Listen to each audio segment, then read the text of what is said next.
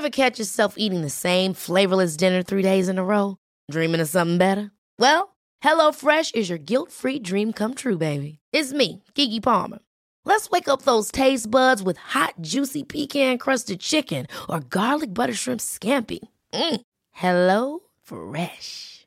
Stop dreaming of all the delicious possibilities and dig in at HelloFresh.com.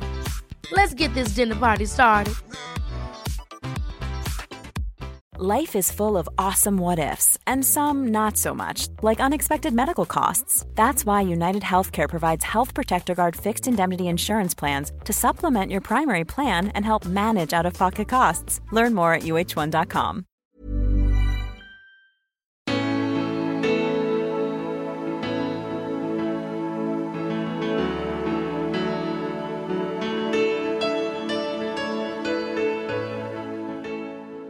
Och tre, vi ska möta USA. Och alla bara wow! Alltså, en sån reaktion när man ska möta fyrfaldiga OS-mästarna.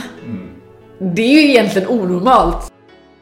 Bara jag kommer ovanför vattenytan så kör jag klart säsongen. Du vet, alltså man var helt skadad på något sätt liksom i sin mentalitet. Tills liksom många bara, men hallå, ska du må bra kanske? Vadå upp ovanför vattenytan? Vad håller du på med liksom? Förlåt då, även om man är proffs, Sverige är ju helt fantastiskt. Att jag kunde liksom gå universitetsutbildningar på, på länk, liksom, på håll, distansutbildningar. Det är ju så coolt. Det är inte många, som, många länder som har de förutsättningarna, så det är ju bara att rekommendera. Här och nu. Ja, så skulle man kunna sammanfatta Lotta Schelin. Det är så hon uppträder i den här intervjun och det är så hon har vunnit fotbollssveriges hjärta. Inga krångligheter, rakt och ärligt och alltid nära till ett skratt. Men hur klarar man egentligen av att spela trots att man mår psykiskt dåligt på grund av tränaren? Att alltid få äta tabletter för att döva den där ständiga huvudvärken. Och sist men inte minst hantera det smärtsamma slutet av karriären. Det ägnar vi stor tid åt i vårt samtal, men vi snackar också om att köra moppe rakt in i hemkunskapssalen, hur det är att växa upp i Kållered, varför Lotta inte vill bli betraktad som stjärna och hur man blir respekterad av journalister. Ett extra stort tack till Leila Haidari och Arcotify Bostadslyftet AB i Kungsbacka för att vi fick låna era lokaler för inspelningen. Nog snackat! Här kommer Sveriges fotbollsdrottning. Lotta Schelin, välkommen till podden Spännande möte. Tack så jättemycket. Jag måste säga äntligen. Det förstår jag. Det är lite äntligen på det. Det har förhalats av olika anledningar. Ja. Så, det, Ja. det är gött att det blev av. Ja, ja, det var ju första gången eh, jag kände att eh, nu är, du, nu är hon nära. Det är när jag träffade vår gemensamma bekant eh, Peter Kymmer på Frölunda Hockey. Som, eh, det visste ju inte jag att, han, att ni kände varandra. Så, att, eh, så det, han är lite inblandad i det där. Eh, Men precis. Och sen så kom livet emellan på, på olika sätt. Men det... ja. Men det var väl gött? Ja, den som väntar på något gött. Det är lite så. Ja men så är det väl va? Eh, Det känns ju... För att det var ju... Vänta barn, få barn, ta hand om barn och sen kom Corona. Ja, Typ. exakt. Så. Ja, lite så. Man frågar, hur mår du? Jag mår bra. Och det, ja, det, är väldigt, det är väldigt skönt att kunna säga att man mår bra och typ eh, till 100% eh, känna att man är ärlig i det. Ja, Eller så, ja. fullt ut. Så att det känns, eh, ja, jag mår, jag mår väldigt bra just nu. Och familjen? Men de mår bra också. Oj!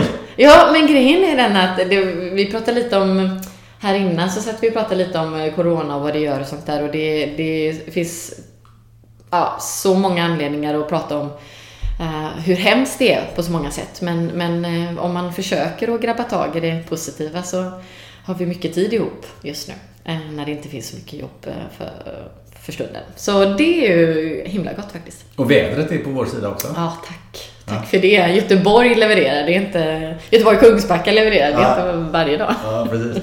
Du säger Kungsbacka, för vi eh, sitter ju inne i ett konferensrum hos ett arkitektkontor som heter Bostadslyftet i Kungsbacka. Mm. Ja, som vi har precis. fått låna eh, rummet av här. Ja, perfekt. Ja, jätte- Jättenära mig också, så jag var, Ja, var ja, väldigt eh, glad för det. ja, ja men stort tack till det.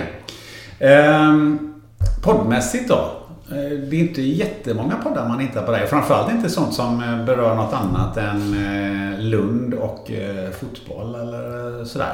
Nej. Nej, det är liksom, det är inte så att jag aktivt har varit bort det på det sättet utan jag liksom, det är vissa, du vet, det funkar och passar i olika delar av livet helt enkelt och sen poddarna har ju dragit igång de senaste åren och jag har väl varit lite restriktiv de senaste åren med tanke på min skada först och eh, hur jag har mått så.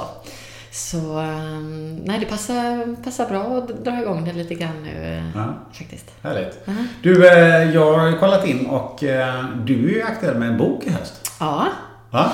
Jag vet, det känns lite läskigt när jag säger det, men det är sant. Ja.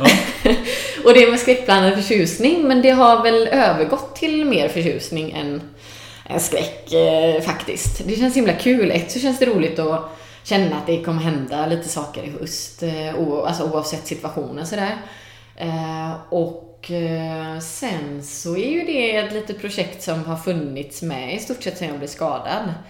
Eh, du vet, man, man har inget annat för sig, man börjar eh, jag gick till en idrottspsykolog som bara, men fasen, du har tid och ska du inte skriva en bok? Och så jag bara, va? Skriva en bok? Och så växte den tanken och så kände jag så jag, jag börjar att prata in lite grejer och, och ta, det, ta det vidare och se, det kanske blir bra till föreläsningen och sånt där. Och sen så, sen så blev det mer och mer och ja, Norstedts hör, hörde av sig och sådär. Så det blev mycket, många grejer som föll på plats. Så att, ja, där är man och det, det är ju en ny arena. Då måste jag fråga, sitter du vid tangenterna eller är det någon annan? Är det någon Nej. Ja, precis. Exakt. Det är min fru Rebecka. Hon eh, Eh, är journalist och skribent. Liksom. Så, så det, det pass, ja, och det var exakt därför det var lite så passande också. Bara, det kanske ändå eh, är bra läge när man inte mår bra men har man liksom, eh, ja du vet den där extra den där timman eh, över och, och mår lite bättre så, så är det lättare att fixa det. Och den ska heta? I huvudet på Lotta Schelin. Mm -hmm. mm. Mm. Det är ju lite bra. Ja, precis. Exakt. Det finns lite den är flerbottnad ja. så att säga såklart då. Men det, ja, egentligen alltså det är ju bara min historia. Eh, så att, eh, är det lite där the true story? Nu kommer de här grejerna som du aldrig har berättat eller? Ja, så är det ju såklart. För att jag har också märkt, eller det blivit tydligare för mig att men jag är rätt så en väldigt lojal person och eh, väldigt mycket här och nu.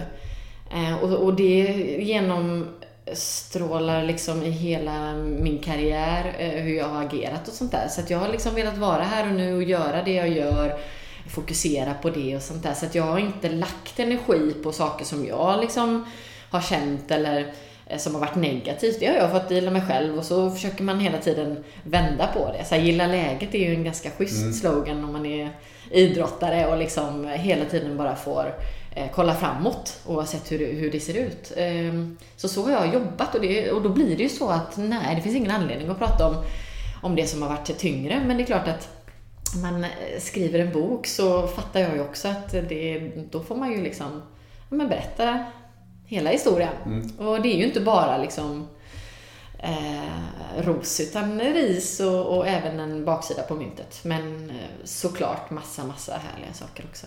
Ja, vad härligt. Mm. Du, eh, vad befinner sig i huvudet på Lotta Schelin eh, nu? Idag? Idag? Eller, eller just så här i denna tiden? Um, ja, exakt. Alltså just nu så handlar det ju så himla mycket om att uh, ja, men så här, ta hand om familjen och må bra och eh, försöka stötta upp eh, mamma och pappa som är lite riskzon. Och det blir ju mycket coronatider så. Sen så, sen så alla jobb har ju försvunnit, men de har ju inte försvunnit helt utan de är framflyttade. Så att jag tänker ju ändå på, på det, lite projekt och sånt som komma skall. Så, så just nu är det ganska lugnt och skönt i mitt huvud, men jag längtar lite till att det ska dra igång eh, med lite saker också. Så, så man får väl helt enkelt bara passa på och ja, jobba lite på små idéer och sånt där. Jag brukar göra det när jag hade småbarn eh, själv. Då, då brukar man längta till jobbet. Mm. För det var det som att komma på semester på jobbet. Att, precis som du och jag sitter här nu och dricker kaffe och man får dricka kaffe i fred. Och Ja, man får gå på toa i fred också och sådär. Ja, visst. Så, så det är ju bra att du lägger till det, för det är klart att det, det blir lite skönt också. Man ska bara rodda i allting, men eh, får man möjlighet att komma iväg emellanåt så är det såklart skönt. Eh, och det, desto härligare att komma tillbaka sen också liksom. Men eh, det är speciellt, men det som är bra nu, eh, jag fattar ju, man är ju väldigt eh, lyckligt lottad i detta läget för, för vi är två liksom med, med honom och så gör vi lite småjobb emellanåt och eh, det blir mycket tid ihop ändå. Och det är klart att det, det underlättar ju. Nej, det är klart. Eh, det är ju härligt Såklart. mycket då. Du, eh, vi ska ju prata eh, lite fotboll och mycket annat. Mm. Eh, du har ju en lång karriär eh, att se tillbaka på. Men jag tänkte att ehm, bara sådär gå lite till, till the roots. Mm. I Kållered. Kållered, vet ja. Det, ja, det är goda grejer. det måste ju vara det absolut bästa att komma från. Är man från Göteborg ska man komma från Kållered. ja, precis. Ja, och heta Ada. Ja. Um, nej, men, men ja, precis. The Hoods. Det är... Vad var The Hoods på den tiden när du växte upp? Ja, men det var ju Kållered och såklart jättemycket på fotbollsplan. Så det var ju uppe på Kållereds IP och nere vid IKEA fanns det planer bakom där, eh, bredvid Ekenässkolan. Så det var mycket cykla ner dit och cykla upp till Kållereds IP och, och ja, gå till fotbollsplanen bredvid och, och, spela och sånt där. Så att, eh, och mamma och pappa bor kvar och syrran och hennes familj har flyttat in eh, ja, med samma rad, eh, radhuslänga som, som min bästa kompis, en av mina bästa kompisar Denise liksom. Så att det är verkligen, de är tillbaka in the hood. Så då blir det att man att man får känna på det lite också. Och det är lite mysigt när man har varit iväg så många år och faktiskt eh, känna att man är, är nära. Vad var det för ett ställe då och nu? Är det någon skillnad på det?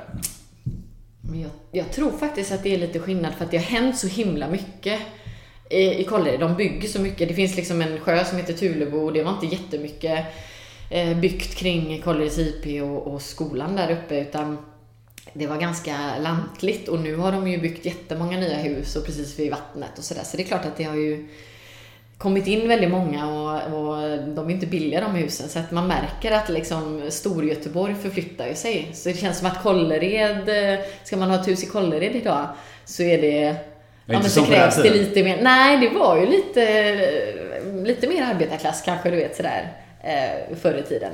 Men ehm, ja, men härligt också. Det är ju liksom, det är ju, det, ja, det händer ju mer och mer och det, det är ett fint ställe. Man kanske tror att det bara är IKEA och det man kör förbi på motorvägen, men det finns ju lite så här goda ställen, smultronställen upp, mm. upp igenom så. Ja, men mamma och pappa jobbade inte på IKEA då? De gör inte det.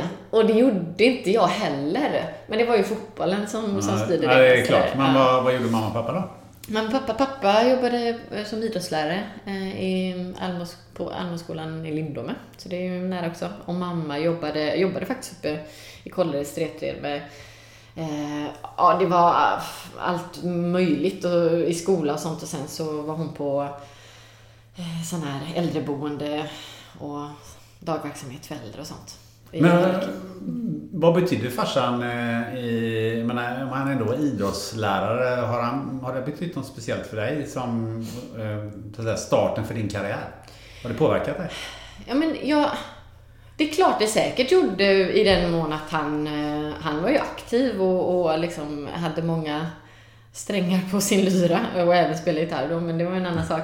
Så han liksom det blev ju automatiskt att vi hade bollar och grejer eh, och sådana. Sen märkte de väl att vi gillade det extremt mycket och de stötte upp så.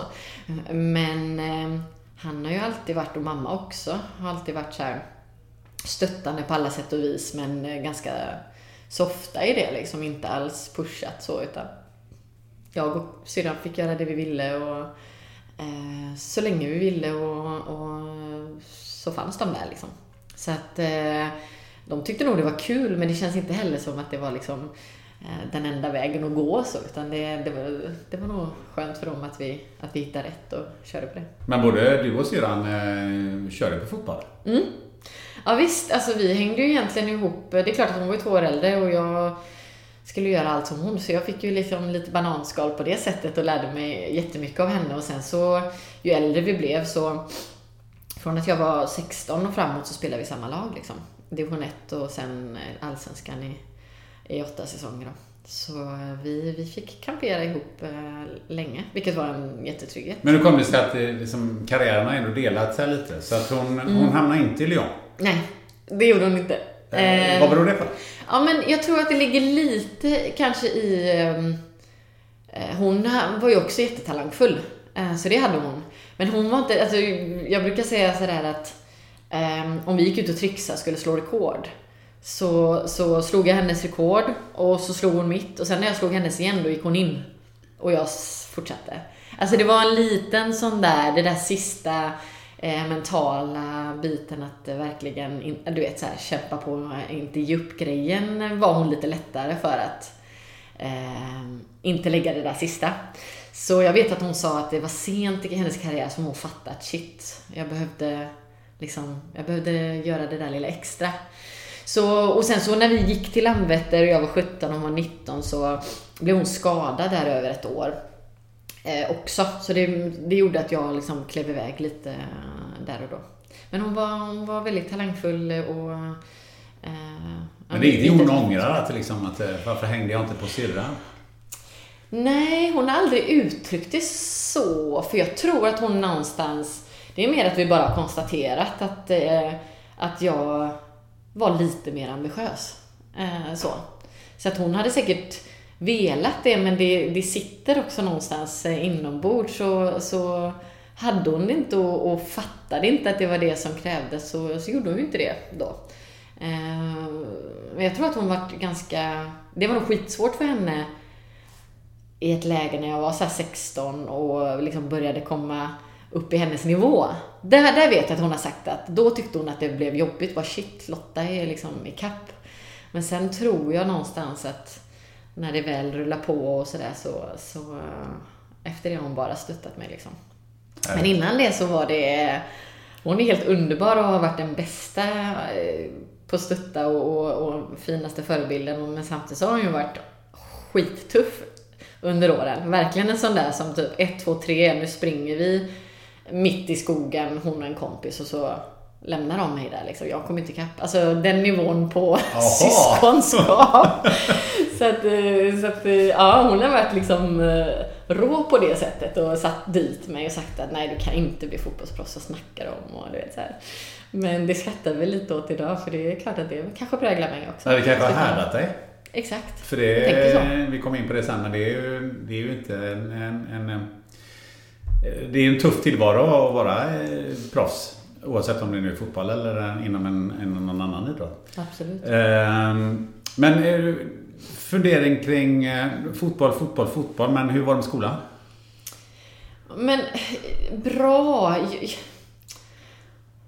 Det kanske, men jag tror att, jag tror att fotbollen gjorde att man så här, det, är det brukar man ju prata om, alltså man blir ju liksom fräschare eh, Eh, också i, i huvudet och, och av att liksom röra på sig. Så jag tror att det gjorde att jag liksom hade den där lilla orken till att ändå eh, sköta skolan och kanske lite mer sådär det blev inte att man kom hem, la, la sig på soffan och, och liksom slacka till sig utan man visste att jag har bara den här timman nu innan jag ska dra så att det, det var viktigt att hålla det. Eh, och sen så, jag tror att jag hade lite tur i det att jag var ganska lättlärd sådär så jag, jag kunde lägga lite lagom tid och ändå klara mig ganska bra i skolan. Så att det var, det var nog tur framförallt eh, under den perioden ja, på gymnasiet när vi var med landslaget ganska mycket. Då var det skönt att man ändå liksom man fick den hjälpen och så kunde man plugga själv liksom och, och sådär. Det är ju jobbigare om, om, det, om det är svårare i skolan. Så. Hemkunskap var bästa ämnet eller?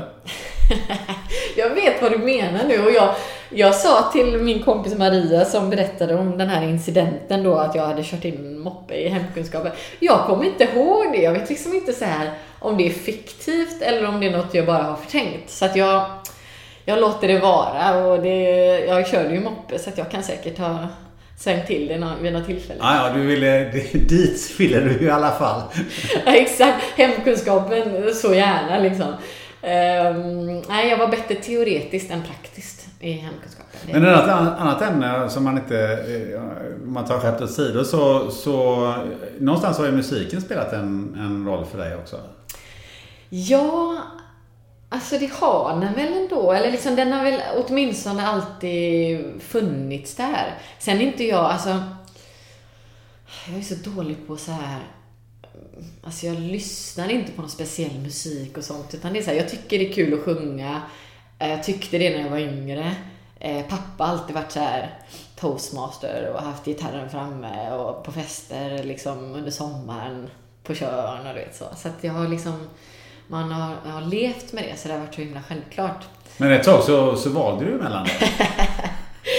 Ja, jag har en liten gullig historia eh, från det. Och det jag, faktiskt eh, när jag föreläser så brukar jag starta med det, för det är lite så här, det säger ganska mycket om mig. Och det var liksom, de pappa har sagt att jag var mellan så här 6, 7, 8 år gammal. Och så var jag jätteledsen uppe på landet. Eh, liksom, men så här, av- vanka av och an och satte mig själv och sådär. Och det kom en tår eller två. Och så, och så kom pappa till slut och bara, men Lotta, vad är det? Eh, och jag fick väl liksom eh, fått fram det lite snyftande. Så att, men jag kan inte bestämma mig om jag ska bli fotbollsproffs eller sångerska. Och den är ju lite gullig, men den är ju också väldigt knäpp. För jag menar, en 6, 7, 8-åring behöver ju egentligen inte fundera på vad, om man ska, vad man ska välja. Och framförallt inte mellan typ så här, musik och fotboll. Det kan ju vara kompatibelt sådär. Men det var lite jag, för det var så med idrott också. Jag älskade idrott av alla dess slag, men jag Direkt om jag tyckte det var lite för roligt, jag höll på med friidrott ett halvår. Nej, men då, nej, då slutade jag för att jag ska satsa på fotbollen. Så jag var lite så här, när jag satte ett mål eller du vet så här, ville, ville göra något, då var det all in på det. Och då Ja. hade jag svårt att så här, nej jag kan inte göra något Har du annat. någonsin funderat på liksom, ja men tänk om jag hade valt sångerska? Hur hade livet sett ut då? Ja, exakt hur är livet? Jag menar antagligen inte involverat sång så mycket tänker jag, för det krävs ju eh, något helt annat. Så, nej, jag har inte tänkt på det så mycket för att jag, jag tycker det var kul, men det var... Det, ja, det är ju något helt annat liksom. Ja, men man får lägga ner lite, lika mycket tid. Absolut, det har man ju verkligen så här. Det märker man ju själv. Alltså, man fattar att om man ska bli bra och få en stark röst behöver man ju träna lika mycket som man tränar på nötteavslut. Liksom. Så är det ju. Ja. Så att, nej, den ligger, den ligger eh, som en, en, ett härligt minne. Så, vad härligt. Ehm, om, eh, jag tänker på, på fotbollen, vi glider in på det. För har vi ju liksom, det, var, det var mycket fotboll när du var, när du var ung. Men, eh, eh, och sen har du ju liksom gjort en karriär som, som är helt otrolig. Eh, man kan ju bara säga, var det tre Champions League-titlar och det är mest mål i, i landslaget och det är ett eh, OS-silver och det är VM och EM-brons och det är, eh, ja, men det är hur många ligatitlar som helst. Och det är, ja men you name it va. Det är liksom ingen idé att bara räkna upp det. det gå in, jag säger så här, de som lyssnar på det här, gå in på Wikipedia så kan ni liksom se alltihopa. men jag skulle vilja liksom bara, om, om du själv när du liksom sitter där och, och göttar dig lite och så sitter du och så och så ska du skriva den här boken nu då. Vad, vad, vad känner du så här? Det här är mig fasiken de absoluta höjdpunkterna. Där kändes det. Det här är... Och det tänker jag då som också på med idrott. Så det är inte alltid det som är just den här medaljen eller det här liksom. Det kan ju vara något annat. Har du några sådana som är det? Liksom, det här är mina höjdpunkter.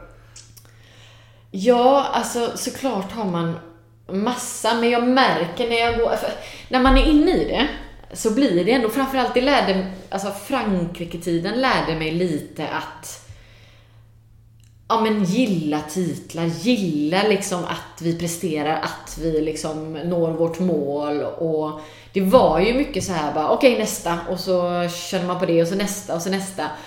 Så att man sen efterhand bara men wow, vad, blev det detta liksom? Ehm, men jag märker att när jag går tillbaka så är det, finns det ju alltid en, en historia bakom som gör att det blir så häftigt. Den här klassiska, det var vägen som var mödan värd liksom. Ehm, och där har jag ju framförallt OS-silvret som en jättestark eh, resa. Ehm, för man behöver inte gå in i den detalj, men det är ju i stort sett en resa från året innan där vi Eh, i VM i Frankrike och ja men du vet, vi är inte tillräckligt bra och vi åker ut och det är en stor besvikelse och vi får mycket kritik. Och gå från det som också satte sig lite hos mig, det är nog inget annat, annat tillfälle som har satt sig så hårt, men mentalt blev det lite så här Men shit, prata om bästa i världen. Jag var kass. Men du vet liksom, och så var man inne i det där trallet som jag brukar kunna eh, undgå. Så det tog ett tag innan man så här återhämtade sig. Men då gick man ju från det till så här bananskal, OS-kval. Ja men så här, vann OS-kvalet mot riktigt bra motstånd. Fick spela OS i Rio bara. Och började trevandes till att bara tuta, eller gnata på till en final. Alltså, trevandes är ju det är ett milt uttryck i ja, sammanhanget. Ja, verkligen. Och som vanligt började vi trevandes, men det var inte så att man efter gruppen kände att nu... För ni åkte ju med på ett bananskal från gruppen också. Ja, men från gruppen... Ja, alltså... Ja, eh, samtidigt som det var liksom så här, vi visste att sista matchen kunde vi, klarade vi oavgjort så var det liksom okej, okay, men det var ju mer så här 5-1 eh, mot Brasilien liksom. Det är rätt tungt, så kan man inte så här gilla läget och gå vidare. Har man inte lärt sig det så, så åker man ju hem efter det, så är det ju. Eh, och vi mötte ju dem i semi igen Eh, och liksom tar oss vidare. Så det, var, det var en väldigt häftig resa. Resan är ju lite så Hollywood-likt. Att vara helt uträknade. Eh, och jag vet att jag under den tiden också tänkte så här, bara, men den dagen när, vi, när man är där igen, shit vad jag ska njuta då liksom. Och så kunde det komma redan ett år efter. Så det är en väldigt häftig resa som jag brukar på något sätt liksom understryka. Även om ett OS-silver är helt fantastiskt och jag är jättestolt så är det, alltså vägen dit var ju wow liksom. För det man funderade på när man satt hemma i TV-soffan och kollade de här matcherna så kändes det som att eh, efter gruppspelet där någonstans så måste jag ha sagt, ja men vi stänger igen fullständigt. Och går det åt pipsvängen så går det åt pipsvängen.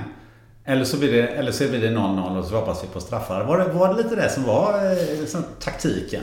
Ja, alltså det var en ganska häftig känsla som infann sig. För det första måste jag säga att även fast vi liksom rent fotbollsmässigt inte var i vårt esse de tre första matcherna så var vi rent fysiskt eh, i skitbra slag, om man nu får säga så. Och det växte och vi visste och litade på Helena som var vår fysansvarig att det kommer bara bli bättre och bättre. Och det, så var det verkligen. Så att vi, alltså vi fysiskt sett växer ju bara, vilket inte är helt fel när man ska spela 90 minuter plus 30 liksom. I den värmen. I den värmen. Så att, så att vi växte ju bara, vilket var kanon. Men sen så var det någonting, alltså jag brukar berätta den lilla historien för att efter Kina, vid 1-1 då samlas vi och Pia bara... Tre saker. Tre kanonsaker här nu. Ett, vi är vidare. Och alla bara yes! Två, vi får stanna kvar. För då hade vi varit på ett jätteschysst hotell, vi behöver inte resa, vi slipper resdagen. Det var ju många sådana detaljer som ändå är bra. Vi bara yes! Och tre, vi ska möta USA. Och alla bara wow! Alltså, en sån reaktion när man ska möta fyrfaldiga OS-mästarna. Mm. Det är ju egentligen onormalt. Men du vet, här, det var någonting i oss som bara, vi har bra facit mot USA. Pia säger att det här är bra. Hon hade dem mm. liksom bara för några år sedan. Det här kan vi göra. Det, det växte en sån känsla direkt. Och den var ju guld värd och de bara, lita på oss nu. Sa de. Och så bara yes. Och så hade vi en gameplan och så fullföljde vi den. Och så bara växte vi. Och faktiskt spelade en final mot Tyskland som var väldigt bra. Liksom. Så det, var, det var mycket som var mäktigt i hela den eh, historien tycker jag som är värd att, att lyfta. Vilket eh, för mig in på vad, hur, hur, har du blivit påverkad av, av de ledare som, som du har haft? Du, Pia är ju säkerligen en, en av de viktigaste ledarna som du har haft under din karriär. Eh, men hur, om vi börjar med henne, hur, eh, eh hur var din relation med, med Pia och vad, vad var speciellt med henne? Eller vad är speciellt med henne? För nu har hon, har haft USA, hon har haft Sverige, hon, var assisterande kapten, eller förbundskapten i Kina. Och nu är hon eh, ansvarig i Brasilien. Så mm. det, det, det, visar att man har en viss bredd då när det gäller, för det finns lite olika mentaliteter där. Ja, Eller hur, hur upplevde du, du hennes ledarskap? Jag upp, alltså, alltså så här är det ju. Pia som varenda ledare jag har haft har ju sina brister. Det är ju alltid så. Men vad jag tycker är häftigt och framförallt som åtminstone Pia liksom uttrycker det är att hon vet sina brister men hon ser till att ha ett team runt omkring sig som, som fyller de luckorna. Om hon är en sån som, nej men jag, jag vill inte vara psykolog. eh, ja men då har hon ju andra som kan liksom på något sätt fylla det, det gapet. Jag känner att eh, jag pratar gärna om Pia också över tid för att hon kom ju också in från USA som du sa, en helt annan kultur. Och hon körde ju på ganska tufft när hon kom in. Hon ville lyfta några, hon pratade om stjärnor, hon lyfte mig som stjärna och du vet väldigt osvenskt och väldigt, helt ärligt, sån är inte jag. Jag mår inte bäst av att bli liksom tagen ur gruppen, om du förstår vad jag menar. Eh, men hon, alltså hon, hon tog till sig och märkte det och förändrade det. Och det tycker jag är så... Det är någonting som jag i alla fall eh, uppskattar och karaktäriserar eh, Pia, att hon, hon kör på saker eh, och ofta lyckas det väldigt bra. Men hon är också väldigt lyhörd och vill bli en bättre ledare. Så märker hon att okej, okay, gruppen, det var inte detta de svarade för det var inte USA. Så vred hon ju ändra på det. Det är det som är framgångssagan också i ett OS liksom, att hon kunde ja, men, här, ta till sig och förändra och, och skapa ett läge där man där man står i en OS, ett OS-slutspel och bara litar på henne blint. Liksom. Det tycker jag är rätt häftigt. Men det, det, det, finns ju lite olika sätt att nå framgång. Det här var hennes sätt att nå framgång. Mm. Men du hade ju en tränare, Lyon, som, som ju var Pias motsats, skulle jag vilja säga. Ja, det får man säga. Och han hade också framgång. Precis, och jag eh, såklart eh, som eh, grubblandes, tänkandes, analyserande eh, människa jag är så, eh, så gick ju tankarna på högvarv just kring det. Eh, och verkligen så ställde alla tuffa frågor jag kunde under den tiden. För att jag kände nog så, framförallt när det var som tuffast, bara men är det det här som krävs? För, måste man må dåligt för att vinna? Um, och det finns ju jättemånga svar och det är en komplex fråga, men jag kan också konstatera så här. Jag stack ifrån Göteborg som hade Torbjörn Nilsson då. Väldigt, ännu mer eh, motsats. Väldigt ödmjuk, eh, tar på sig allt ansvar själv, vill att alla ska eh, liksom vara delaktiga. och det funkar i Göteborg, för man har en annan kultur. Man har tjejer som den kulturen som vi har haft i de svenska lagen är att det är väldigt så här egen, så man eget driv och man vill göra allt för, för gruppen, väldigt så här solidariskt tänk och man vill vara så bra som möjligt för att kunna eh, liksom, eh, ja, men, e, alltså, vara så bra som möjligt för laget. Och så kommer man till, till Frankrike och där märkte jag att det är mycket mer, eh, alltså de är vana vid auktoritära ledare de är vana vid att bli styrda. Så har de inte en fast hand så är det många som kanske, jaha, han kollar inte nu, jag kör 80% idag. Så att han i det laget var ju precis vad som krävdes för att nå framgång. Så här, peka med hela handen, säga till alla så att alla, det skapades liksom en, en kultur där alla gav 100% och det gjorde inte de av sig själva. I Göteborg gjorde de det. Vilket betyder att sett Torbjörn i den franska miljön så hade de tyckt att han var för mesig för att de är vana vid att eh, Eh, ha en auktoritär ledare. Och tvärtom då hade Patrice varit i Göteborg, men glöm det, de hade kapitulerat efter en vecka och sagt att nej, nej, nej, så här kan inte vi jobba. Så ehm, det är också väldigt mycket beroende på grupp och vilken kultur man har i, i gruppen. Men eh, det var väldigt, alltså han, han var jättebra när han kom in den här Patrice och pekade med hela handen, var ganska rättvis var duktig på att så här, sätta rätt personer på rätt platser. Eh, fick alla att så här, shit, vi måste, både för att behålla sin plats i laget och för att prestera och för han eh, ja, men gör 100% hela matchen. Så helt plötsligt gick vi från att vinna med 5-0 för att vi la ner i andra halvlek. Så vann vi med 10-0 för att han krävde liksom 100% hela tiden. Och det, det, det är vinnarkultur genom det. Och vi förlorade inte en match på tre och ett halvt år. Absolut, men en så, sådant hårt ledarskap, väldigt tuffa ord, väldigt tuffa markeringar och så vidare, det tär ju väldigt hårt. Så efter två år behöver man ju, då kan man släppa kanske och bara ta hand om det. Och det gjorde ju inte han, utan han fortsatte med samma, på samma sätt och det, det blev dränerande. Men hur hanterade du det? Hur hanterar jag det? Jag eh, jag märkte att mentalt så var jag sjukt stark för att jag fortsatte att prestera. Eh, bet ihop och körde. Eh, verkligen. Så tredje året gjorde jag ett av mina bästa år men det var ju absolut inte det roligaste. Han, han lät ju mig vara lite då, men annars så satte han ju mig gärna exempel med mig sådär. Jag kanske var lite för snäll på något sätt. Jag ställde mig inte och liksom jag är lojal nog för att liksom så okej, okay, säger coachen det så gör, gör man det liksom. Eh, och så det blev lite så med mig och det blev ju också jobbigt eh, över tid. Men jag, jag körde på och höll uppe och eh, tänkte att eh, ja, men så här, man gör det för laget och man gör det för, för att vi ska vinna och så vidare. Så som tur var så kunde jag fortsätta prestera. För då, då var han liksom tvungen att spela mig och så ändå. Eh, så det var ju, det var ju en hård, hårda sparkar i rumpan på något sätt som man ändå liksom fick hantera. Men över tid så är det... Nej, då hamnar jag i många lägen där man bara är det verkligen det här som... Ska man må så här för att, för att vinna? Och jag tror ju inte det ändå på något sätt. Jag menar, jag har faktiskt mått väldigt bra eh, även i Lyon liksom, och i svenska landslaget och vi har presterat jättebra. Det finns olika vägar.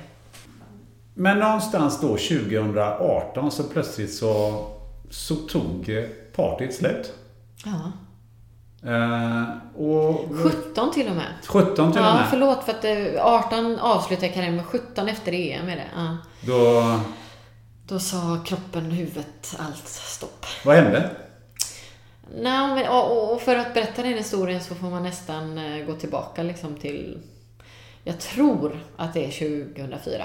Första smällen, andra smällen, alltså sådär. Vi nickar ihop. Ja, framförallt så är det, är det lite större eh, rejäla smällar, lite whiplash-liknande. Ganska stora som jag fick problem efter det, men, men inte just huvudvärken då.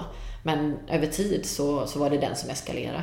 Eh, nej men så här, tänk man ska ta emot en boll och så har man försvararen eh, kommer stenhårt i ryggen så att man får den här whiplash-liknande framåtfallet. Eh, så jag hamnade, jag hamnade i en specifik som, som var rejäl, liksom, som jag inte skulle ha fortsatt spela matchen. Och så börjar man pussla ihop allting.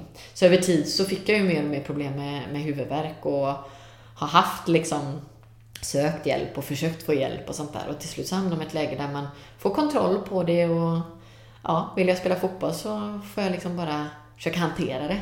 Men mer och mer kunde jag inte nicka och nicka och så blev jag dålig och sånt där. Så att, eh, hantera, var det liksom käka tabletter eller? Vad? Ja, käka tabletter, mycket, mycket behandlingar och, och, och sånt. Och de sista fyra, fem åren kanske mm, fick jag ju liksom medicinskt, nej det går inte att, att träna nicka. Jag, jag, körde alltid, jag nickade alltid självklart om vi spelade eller om det var match så, men jag, jag tränade inte nicka. Jag kunde liksom inte köra fyra, eller tio inlägg i rad. Nej, nej, det går inte. Vad är det och så sökte jag mig, nej, så jag blir dålig. Jättedålig. Huvudvärk och... Ja. Huvudvärk framför allt. Alltså, det har inte varit så här att oh, jag har värk i nacken utan det är väl någon sorts det är väl en blandning av hjärna och nacke i slutändan. Eh, så. Men det blir ju en försvagning. Eh, så det är klart att det är ju som att du, jag har ingen aning, säg att du stukar foten riktigt mycket.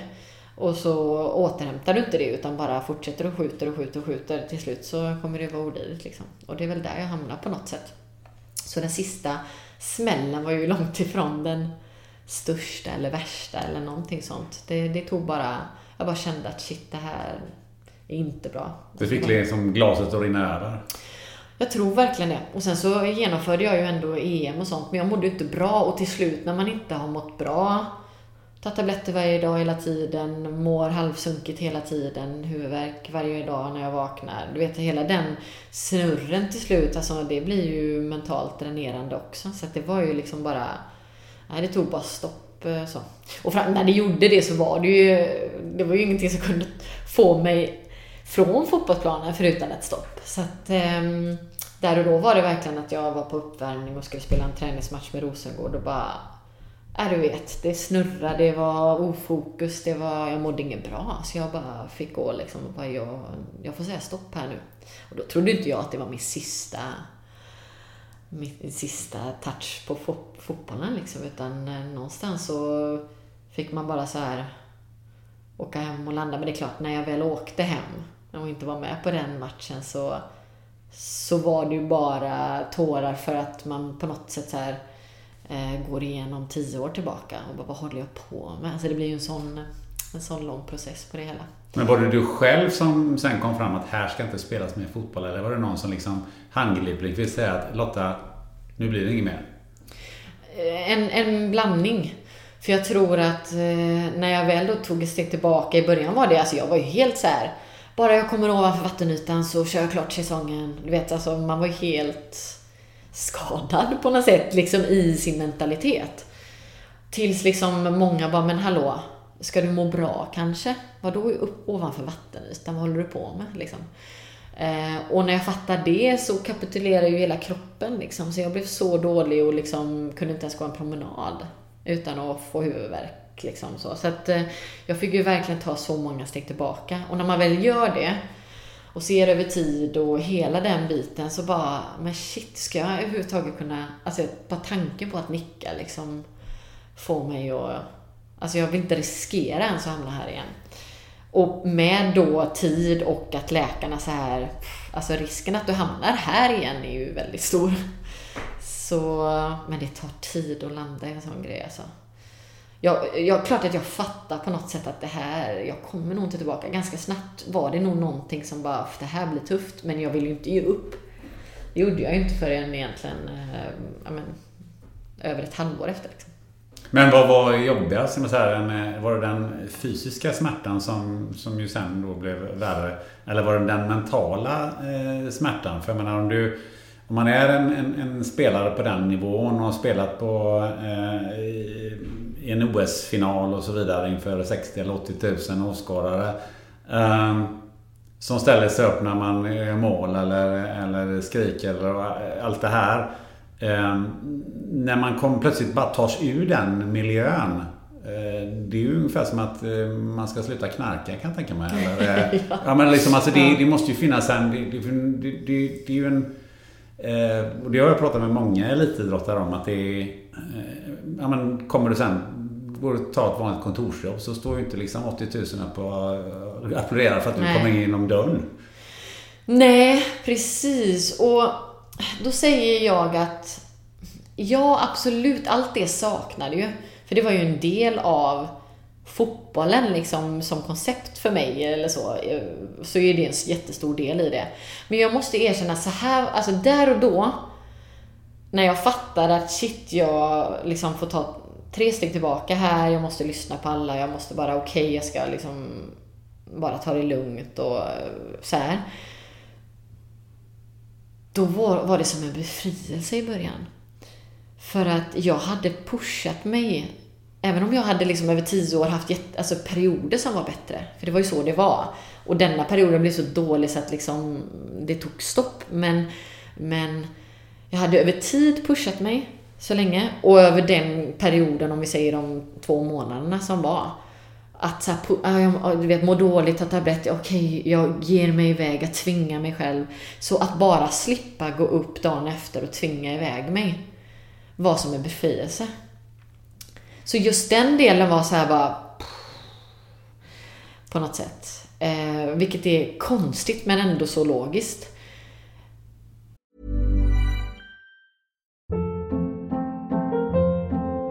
Hold up. What was that? Boring. No flavor. That was as bad as those leftovers you ate all week. Kiki Palmer here, and it's time to say hello to something fresh and guilt-free. Hello Fresh. Jazz up dinner with pecan-crusted chicken or garlic butter shrimp scampi. Now that's music to my mouth. Hello Fresh. Let's get this dinner party started. Discover all the delicious possibilities at hellofresh.com.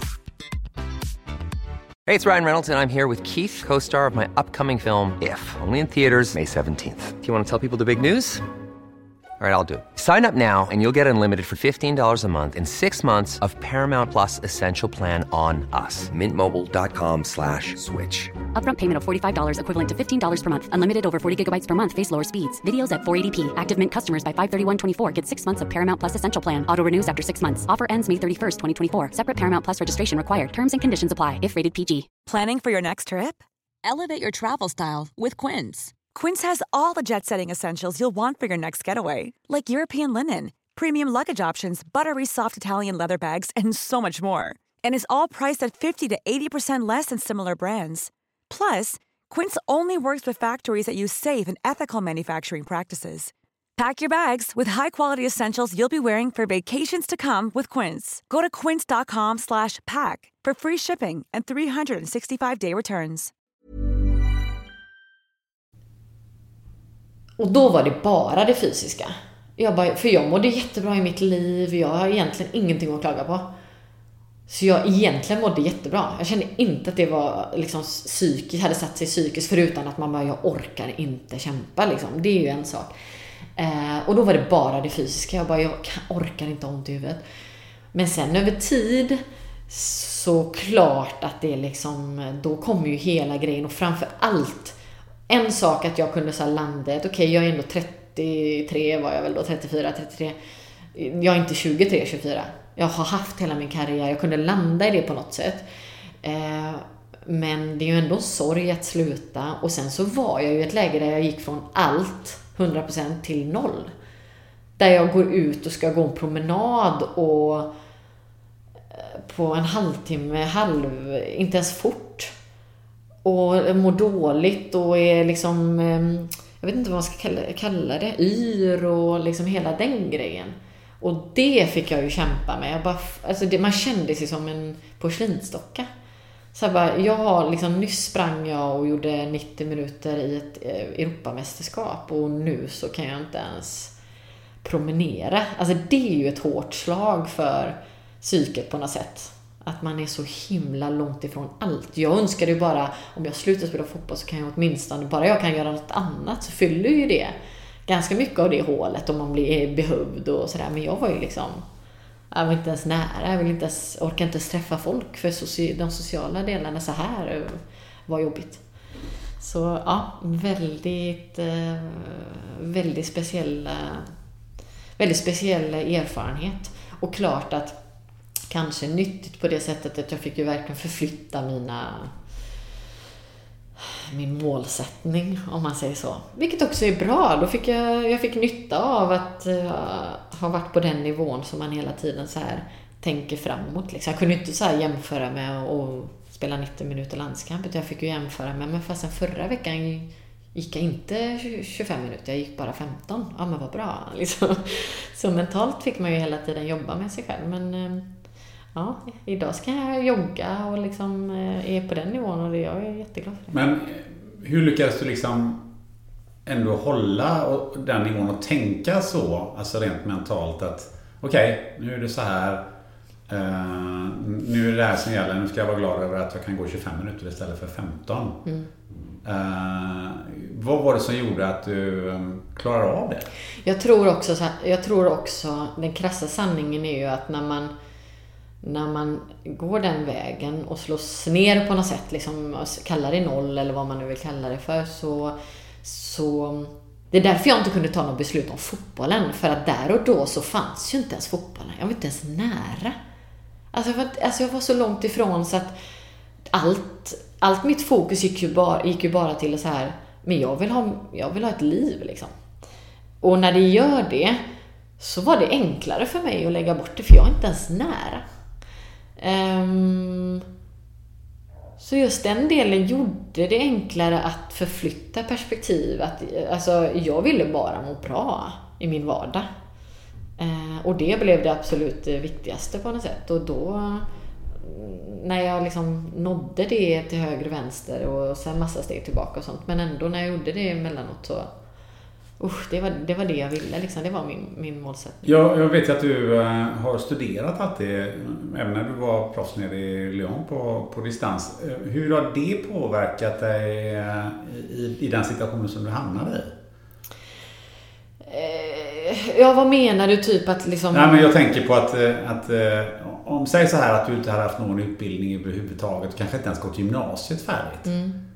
Eh, jämfört med du ändå har, har skapat dig någon annan grund eller skapat andra perspektiv tänker jag. Eh, för det är många elitidrottare som alltså, eh, ja, men de går ju inte ens gymnasiet idag och tjänar massa pengar och så vidare. Men någonstans så finns det ett slut på karriären. Och jag, jag träffar bland annat i den här podden Keith Karlsson som ju äh, vet det, var och är, är agent. Och, Och, och han sa ju liksom där att det, det första jag gör när jag eh, tar, eh, tar mig an en, en idrottare så är att jag planerar för när, när vederbörande ska sluta. Mm.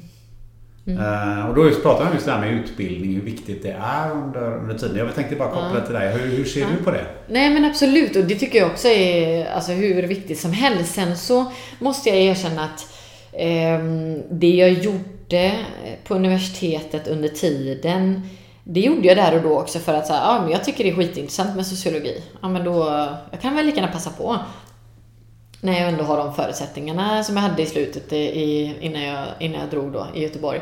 Eh, och så... Ehm, ja, konfliktlösning. Ja, men det verkar jätteintressant. Och sen när jag var i Frankrike så...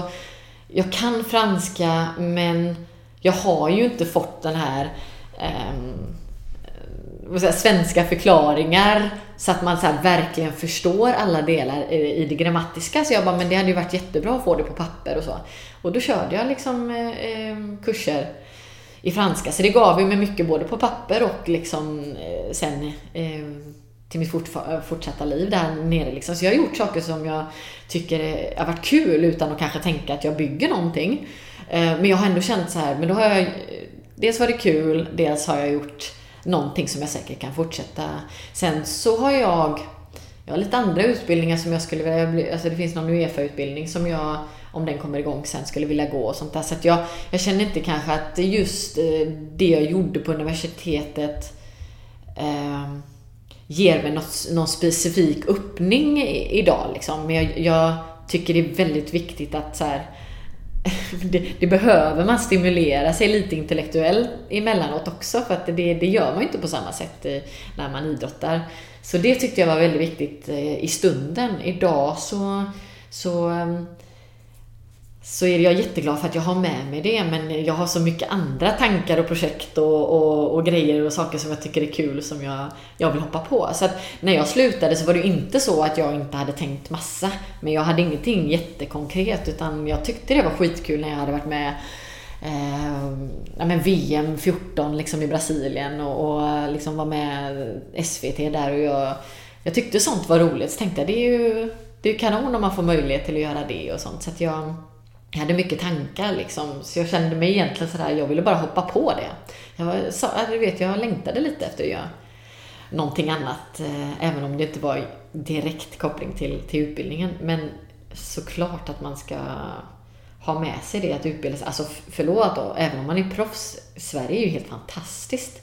Att jag kunde liksom gå universitetsutbildningar på, på länk, liksom, på håll, distansutbildningar. Det är ju så coolt. Det är inte många, som, många länder som har de förutsättningarna. Så det är ju bara att rekommendera. Kanon.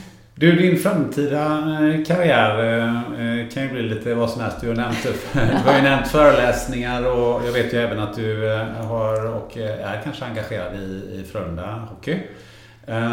Men en sak som jag funderar på är om inte du vore en bra politiker? ja. ja För du har ju ändå, alltså du, du har visserligen inte varit vad ska man säga, jag tycker att det är väldigt, alldeles för få journalister som har, som har frågat dig om, om de här grejerna. Så att, eh, därför tänkte jag kunde prata, lite, kunde prata lite grann om det här. Men jag, menar, jag vet ju att du har yttrat dig i flyktingfrågan i, eh, när det gäller rasism, högerextremism, fattigdom, jämställdhet och, och inte minst eh, HBTQ och, och, och även det med, med, med tjejer och, och mäns och, och idrott. Sådär. Så att, eh, va, min första fråga är liksom, eh, det är en rätt många politiska spörsmål. Varför är politik viktigt för dig? Så här, jag tror att det är klart vi har diskuterat väldigt mycket hemma också, så jag tror liksom att det finns en naturlig del eh, liksom i, i att samtala från min del hemifrån. Och så vet jag att när jag Alltså när jag växte upp, alltså jag älskade att ha vänner runt omkring mig som vi kunde sitta och diskutera.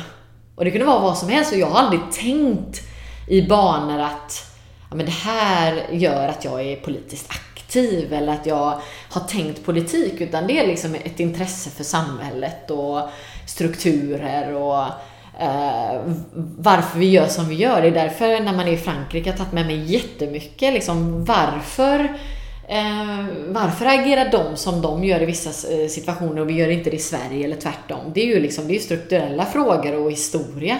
Och det är skitintressant. Så att jag, jag säger inte alls att jag inte... Eh, att jag inte, alltså jag brinner för mycket, många frågor som är politiska. Men jag har aldrig någonsin tänkt mig själv som politiskt aktiv eller eh, haft en önskan om att jobba politiskt. Däremot märker jag och vet att när man, eh, när man har en plattform att, och det vet jag Pia säger jättemycket, det tycker jag väldigt mycket om när hon säger att liksom får man möjlighet att, att eh, göra sin röst eh, hörd eh, då ska man ju ta alla möjligheter i världen och, och göra det bra och liksom ta upp bra saker. Och, och då tycker jag det är viktigt att visst, så här, idrott och politik, det hör inte ihop men. Det är lite förlegat på något sätt, för det gör det ju så himla mycket. Och jag menar, vi som jag som damfotbollsspelare då. fotbollsspelare och jag är tjej, ja absolut. Ehm, jag som fotbollsspelare är liksom, det är klart att när det blir dam innan så har jag ju egentligen sen jag var liten fått jobba med eh, ja, men litet ut, alltså det är ingen fara, men ett litet utförande, ut, eh, utanförskap på något sätt som gör att, ja men så här tjejer som, det kanske inte är lika vanligt att de spelar fotboll och så får man liksom slip, på de argumenten och så kommer man upp och så handlar det om pengar och eh, jämställdhet liksom på en helt annan, eh, annat sätt eller om vi skulle förändra sporten med mindre bollar. Och vet, man, har, man har svarat på så många frågor och man har fått eh, se på idrotten med sådana ögon sedan man var liten. Så det, det, går inte att inte vara politisk på det sättet. Alltså jag lever ju i eh, i en sådan sfär liksom. Samtidigt som det har gett oss skitmycket. Jag tror att jag är att alla eh, kvinnor som spelar fotboll eller flickor som spelar fotboll eh, också blir väldigt starka i det.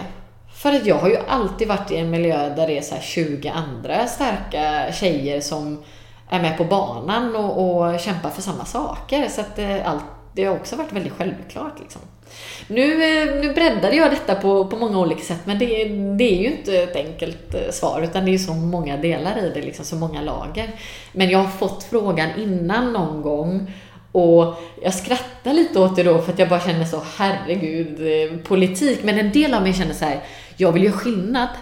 Och skulle jag känna att jag kan göra det mest som politiker, ja men då hade jag nog kanske, det kanske kommer i framtiden, jag har ingen aning. Men jag vet också att man kan göra eh, skillnad på andra sätt. Man kan eh, liksom vara aktiv i olika organisationer eller eh, vara ambassadör för olika saker som är bra, som jag tror kan påverka och göra skillnad också. Och då kanske jag hellre håller mig utanför så här parti politiken ett tag till. Liksom. Ja, det, det är ju lite, kan ju vara lite... Det, det, det problematiska med att du ska syssla med politik så måste du liksom ha någon sorts eh, eh, partitillhörighet och det är väl många som kanske säger att någonting är bra i det partiet och någonting är bra i, det, i ett annat parti. Så det, det kan, ju vara, det kan ju vara en av um, svårigheterna. Men jag, jag tycker mig se att det, det finns liksom ett, ett engagemang i, i samhällsfrågor och och, och, och de här bitarna. Ehm, men du har heller aldrig varit sådär så att du har ställt dig själv på barrikaderna. Alltså du har inte liksom varit den som har målat eh, regnbågsfärger på naglarna som Emma Gren gjorde eller, eller för den, din, din lagkamrat Nilla Fischer som, som, som ställer sig på, en, på en, ja, den största barrikaden man kan ställa sig på en fotbollsskala. Um, hur, hur, ser du på det? Hur, hur, um, hur, varför har du inte gjort det? För du har ju ett engagemang. Ja. Nej men jag tror att eh, dels så har det funnits en del av mig, eller en väldigt stor del av mig som som har jobbat i alla led egentligen, på fotbollsplan, utanför fotbollsplan, eh, när det kommer till eh, men vad ska man säga, jämställdheten när vi pratar eh, de ekonomiska bitarna så har jag alltid så här varit jättenoga med att alltså, försöka flytta fram eh, vad ska man säga, eh, positionen så att man kan liksom eh, få bättre förutsättningar som tjej när man är sponsrad och så vidare. Genom att så här, okej, okay, är jag den som ni helst vill sponsra idag, ja men då då krävs det också lite mer. Då är det inte bara att fortsätta med att jag är bara damfotbollsspelare. För det, har alltså det finns ju en viss syn på eh, ja, men på liksom den ekonomiska aspekten. Och jag har, alltså förstår du vad jag menar? Så då finns det ett jobb att göra som inte alltid syns. Det finns ett jobb att göra att faktiskt säga ifrån och bara nej, om jag, eh, om jag kan kräva det här så kan också de som kommer efter mig få bättre förutsättningar att kräva det här. För det är också väldigt lätt att det fortsätts att prata om att ja, men det är bara damfotboll och så vidare. Men vänta lite nu. Vad, vad betyder det idag? Jo, men att de får väldigt mycket spaltmeter i media och att det är väldigt mycket uppmärksamhet och det finns eh, både en jämställdhetsdebatt och eh, rent fotbollsmässigt att vi är Eh, att vi är bra nog till att faktiskt, att det ska hända någonting där också. Och det står ju stilla. Så jag tror att där har jag kämpat jättemycket med mina rådgivare, att vi liksom försöker pusha framåt. Och, eh, sen så har jag varit väldigt noga med att ja, men jag vill vara fotbollsspelare. Det är så lätt att det blir så himla mycket annat och jag har velat fokusera på, på det och vad jag vill göra på plan. Liksom. Och, ta de kliven genom att, så här, genom att bli proffs i Frankrike, Frankrike, genom att kunna tjäna lite pengar som inte har varit in. Alltså hela tiden försöka ta de kliven. Så då, liksom, då får man så välja sina fighter lite tror jag. Och, um, jämställdhetsdelen har um, jag med andra jobbat stenhårt med. Även fast man inte alltid har hörts mest så gör vi det hela, hela, hela tiden på alla sätt och vis. Avtal som vi har gjort med förbundet och det vi gjorde sist var ett jättekliv. Jag var med på, på den delen när vi liksom eh, så här, tio år retroaktivt, nej nu, nu måste det hända någonting. Och hur vi fick igenom det och återigen alla, alla små fighter som man gör vid, vid sidan om. Liksom. Och det är ju för att skapa bättre förutsättningar och att synen ska förbättras eh, och så vidare. Och i Frankrike fick man vara med på hela den resan också från scratch egentligen till att jag åker iväg och det finns en damsektion som är helt självklar och akademi och eh, helt nya arena där liksom damsidan har en helt självklar del med nya planer och allting. Det är jätteproffsigt liksom. Eh, och när jag kom så, så tvättade vi våra egna kläder. Alltså, så att eh, det är liksom jag kan inte säga det är en resa. Det är en väldigt stor resa. Så att man, liksom, man gör den hela tiden med allt man man gör. Jag har inte känt ett behov att man måste Eh, basunera ut allting eh, liksom i affekt utan eh, det sker hela, hela, hela tiden. Eh, och det, det tycker jag är en intressant eh, point för om man, om man läser eh, och, och särskilt de senaste tre åren så har, ju, har du gjort väldigt, väldigt få intervjuer. Eh, om vi bortser från rena fotbollsintervjuer som kanske var någon, när du slutade och så såklart. Men jag tänker på eh, eh, du har gjort, alltså de intervjuerna som är gjorda, de är gjorda i, i tidning som, som QX eller något som heter Galore Weekend eller Faktum. Uh, och sen läser man kvällspressen och då, då citerar de ju de här tidningarna rakt av, mm. så att säga. Mm. Uh, och då är min fråga, hur, hur medvetna val har du gjort de här senaste eh, åren? Ja, men alltid medvetna val egentligen. Eh, det är inte så att jag, alltså, det är inte så att jag tänker att när jag är Megalor eller, eller QX att jag tänker att eh, eh, ja men då snappar de upp det, bla bla bla. Utan det är ju liksom ja men, jag vet inte om den är oönskad, men det är ju en effekt av liksom att man, att man eh, gör sin röst hörd egentligen så. Eh, men jag gillar, jag gillar ju egentligen, alltså det är lite som du pratar om, du har den här podden och det är ett, ett samtal, man sitter ner och man får tala till punkt. Jag gillar ju det. Därför blir ju det lite sådär, när vi pratar kvällspress, eh, så är det ju alltid saker tagna ur sin sammanhang och rubriker satta på olika sätt och, och sådär. Det är ju en tråkig bit av, av den sorts eh, media liksom. Eh, som man bara får, får köpa också, men det... Jag jag gillar väl när det blir liksom lite mer äkta och riktigt och inte liksom att man ska sitta och vara nervös för vad du ska plocka ut ur det här. Liksom. För du kan ju också plocka ut enstaka eh, meningar och göra rubriker på det. Så det går ju i allt. Och det är så det fungerar liksom. Men det, det, det är inte alltid där man vill vara med. Nej, för att någonting som, som fascinerar mig lite grann det är ju ändå, eh, precis som du säger, den här kvällspressen eh, och så vill ju väldigt gärna göra, eh, vad ska man säga, ett, ett, ett nummer av, av saker och ting. Och, och jag menar att eh, att du är homosexuell eh, och, och gift med Rebecka och så vidare. Det har ju det har inte skrivits någonting om det och lägger man märke till det så kan man ju liksom kolla Eh, till exempel just den här artikeln som är i Galore eh, Weekend tror jag, eller om det var i, eh, i Faktum. Alltså, där hon ju dessutom eh, kommer med något citat eller någonting. Men det är ingen som säger eh, och berör ditt privatliv på det sättet. För de, att du inte har pratat om det, det är ju en sak. Men det som jag blivit fascinerad över är att de har respekterat det också på ett, till en mm. grad som, som jag tycker man väldigt sällan ser. Och där har jag en liten undring på hur, hur, har det, hur har det samspelet varit, eller icke-samspelet? Ja men precis, för att jag har ju alltid, alltså, det är ju alltid intressant när man pratar om de här delarna. För att, alltså, ja, jag har alltid velat så här, fotbollen är fotbollen och så fokusera på det. Men jag, alltså, jag har ju alltid varit öppen i min närhet och eh, med alla de jag känner och, och sådär. Och jag tror ju att alla journalister liksom har, har vetat också men det har funnits en, eh, en ömsesidig respekt tror jag. Och det är, ju, det är ju häftigt att det kan vara så. Jag, jag, jag uppskattar verkligen det och det kanske är också för att de har respekterat eh, mig kanske liksom för att jag, jag bjuder gärna på jättemycket men sen då jag önskar ju liksom att man på något sätt, jag, jag är ju väldigt eh,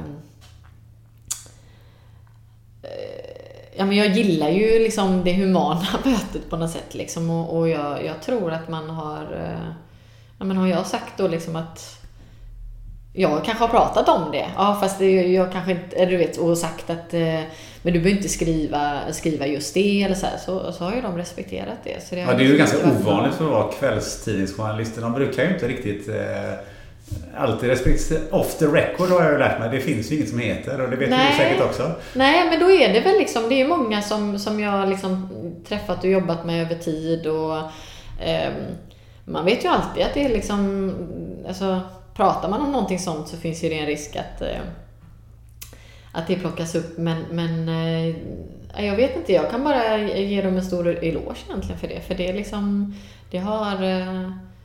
Men de kanske har vetat också liksom att har jag, har jag eh, uppskattat deras liksom eh, diskretion eller vad man ska säga så, så eh, har väl de uppskattat eller uppskattat, men ändå liksom haft den respekten. Så att om vi ska fortsätta ha en bra dialog så, så kanske man inte behöver gå dit. Jag vet inte. Jag tycker det är, det är härligt att det kan vara så. För att jag, jag är ju lite sån som tycker att det kan vara naivt eller vad som helst, men att man kan lita på varandra och liksom ha... Sen är man inte dum. Jag, man, jag, jag, säger gärna att man är gärna lite naiv, men, men eh, dum är man inte, så man vet ju hela tiden att eh, så kan det bli, eller det kan de plocka ut liksom, eller sådär. Det, det, det är jag medveten om. Har, har, Men hellre så här, hellre riskera det då, för att jag menar man, man vill ju fortfarande liksom eh, ha, vad ska man säga, in,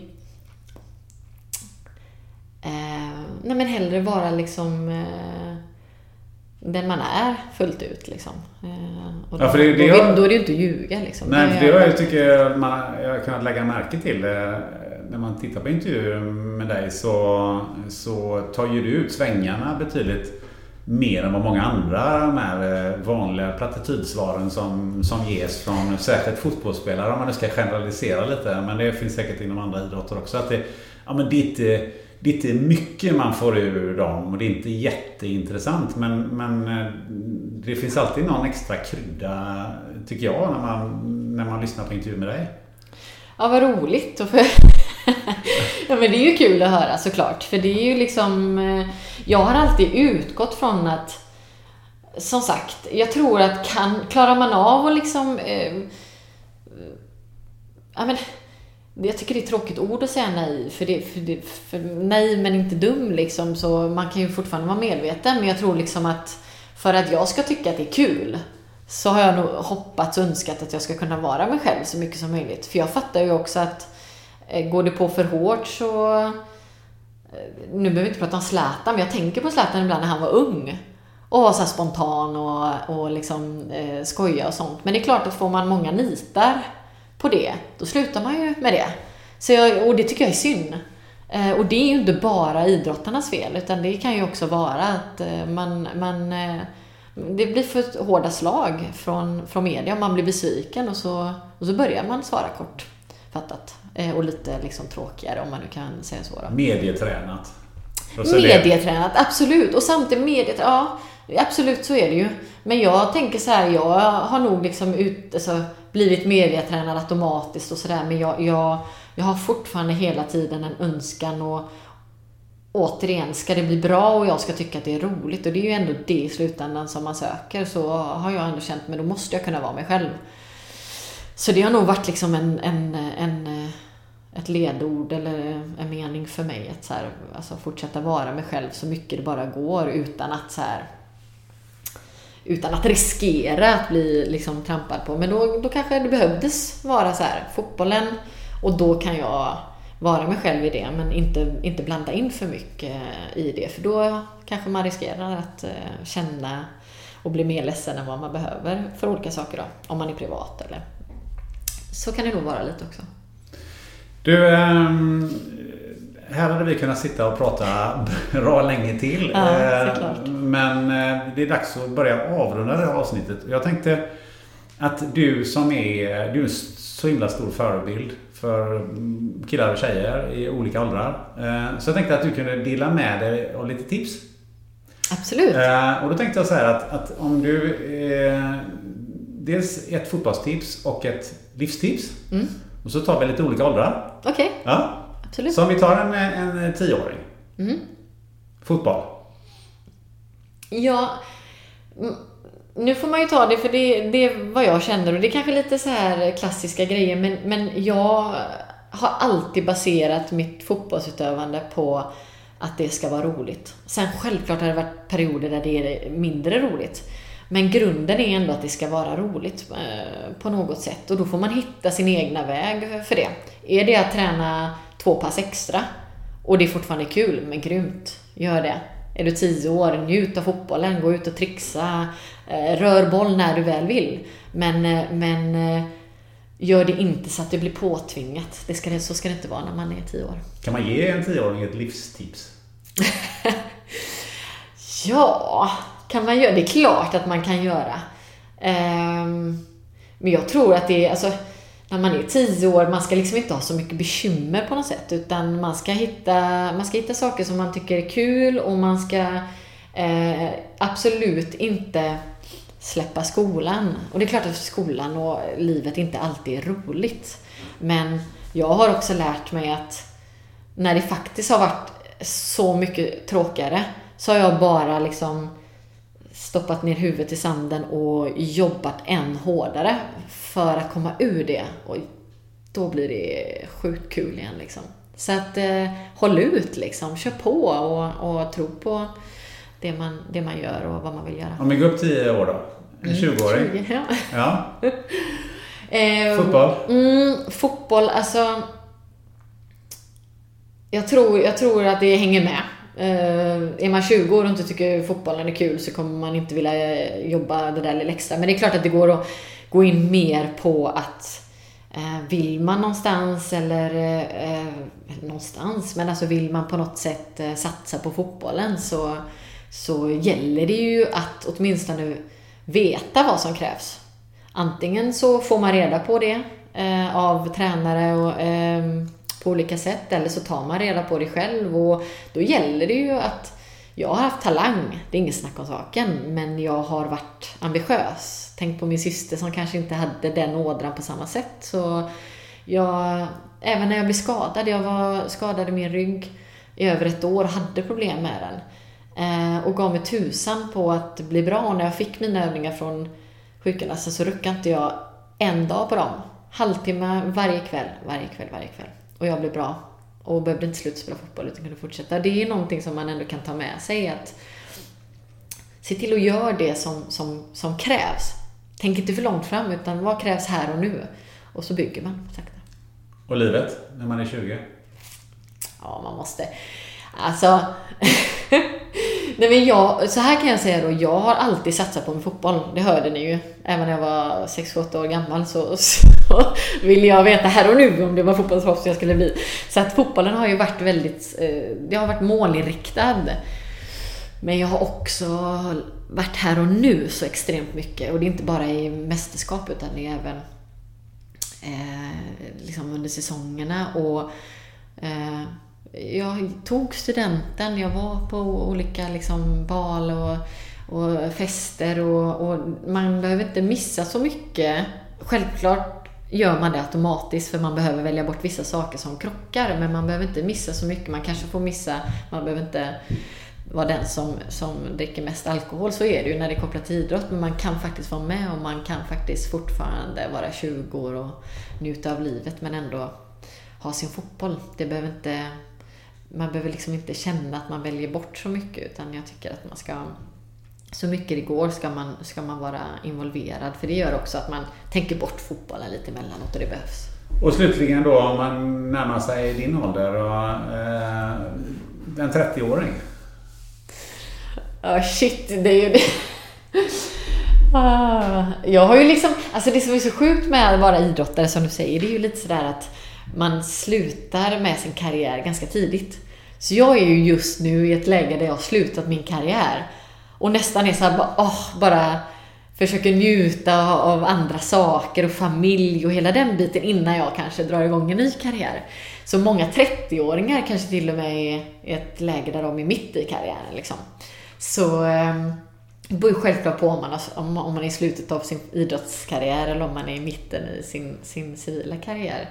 Men eh, jag tror liksom oavsett så, så tror jag inte man när man är 30 ska, ska eh, Jo, man kan ta sig själv på allvar. Det är kanske inte det, men man ska inte ta liksom...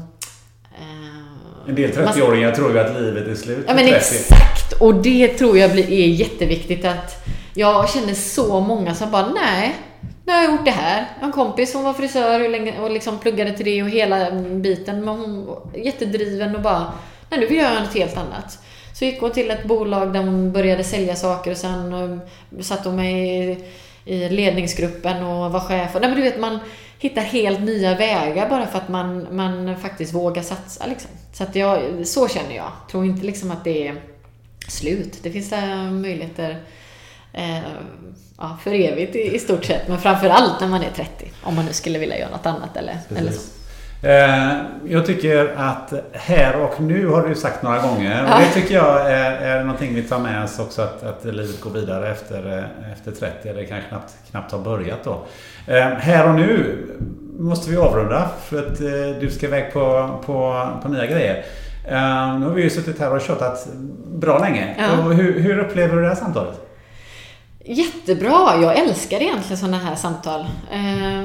Jag tycker det är liksom... Jag har alltid tyckt det, det låter sjukt, men jag har alltid tyckt det var kul med, med intervjuer. Och för då ofta, liksom, om man kan sätta sig ner i alla fall, så brukar det oftast vara trevligt och intressant och, och man får liksom eh, gå in på så ja, men bredare än fotbollen som du säger. Liksom. Så att det är jätte, jättetrevligt. Och jag är glad att jag fick vara med. Ja, härligt. Ja, jag är glad att, eh, att, du, att jag fick det till mikrofonen så småningom med. Du, eh, om du vill ha någon annan till micken. Har du eh, funderat på vem du tycker jag borde intervjua? Ja, och jag kom på det när jag åkte hit. Så jag ja. bara, gud just det, jag skulle ju ja. fundera lite på eh, någon ny. Och jag vet inte om du har haft, det finns ju jättemånga. Ja. Men jag går lite i mitt egna spår sådär. Men, men eh, Torbjörn Nilsson är ju väldigt intressant och, och härlig. Och han om någon kan prata om annat än, än just det han höll på med som, som fotboll. Eh, och, och eh, det var ett bra tips. Väldigt, ja, jag tycker nog att ja. du, ska, du ska se om han har möjlighet att, att hänga på någon. Han bor väl i Jonsered, så han bor väl hyfsat mm. nära mig. Exakt. Så att det är bra. Eh, om, man, om man vill ha tag på dig eller följa dig på något sätt eller sådär, hur, hur gör man då? Man kan ju man kan göra det på sociala medier, i alla fall på Instagram, ja, i och för sig på Twitter också. Men, men jag är inte jätteaktiv kan jag säga. Men jag försöker att bara hålla det lite levande och liksom ändå så här en kanal till Ja, du vet, som man ändå kan få tag i en och, och sådär på, på sätt. Men jag är väldigt så här, sociala medier eh, tillbakadragen får man väl ändå säga. Men jag, det är också, det är samma sak som jag älskar att träffa folk. Jag älskar att liksom eh, se och liksom hålla igång samtal av olika slag. Mycket, mycket mindre på håll. Och det är väl det som, som gör det. Så jag tänker att jag dyker väl upp på lite grejer till höger och vänster. Och så kan man ha det sociala medier om jag nu liksom hojtar till på något. Ja. Eh, annars kan man ha ögonen öppna bara. Sen. Lotta Schelin, ett stort, stort tack att du ville vara med i den här podden. Tack så jättemycket. Ja, kul. Tack. Blir du lika glad som jag av att lyssna på Lotta? Jag gick i alla fall från den här intervjun med ett stort leende på läpparna. Betygsätt gärna podden i iTunes. Då blir jag ännu gladare. I nästa avsnitt så ska ni få träffa Jonas Trolle. Mannen som ledde jakten på Kapten Klänning. Ett av Sveriges mest uppmärksammade kriminalfall och som numera är chef för Centret mot våldsbejakande extremism. Vi kommer snacka allt från polisjakter till vit maktmiljö. Missa inte det! Under tiden, sätt dig gärna ner med en vän, ta något riktigt gott att dricka och diskutera hur den här podden skulle kunna bli ännu bättre. Hör av dig med kommentarer på sociala medier. Ha det gött!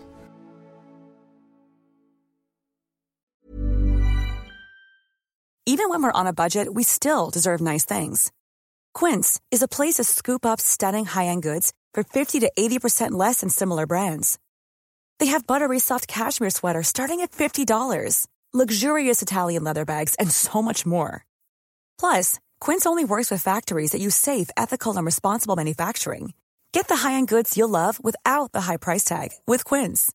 Go to quince.com/style for free shipping and 365-day returns. Ever catch yourself eating the same flavorless dinner three days in a row? Dreaming of something better? Well, HelloFresh is your guilt-free dream come true, baby. It's me, Kiki Palmer.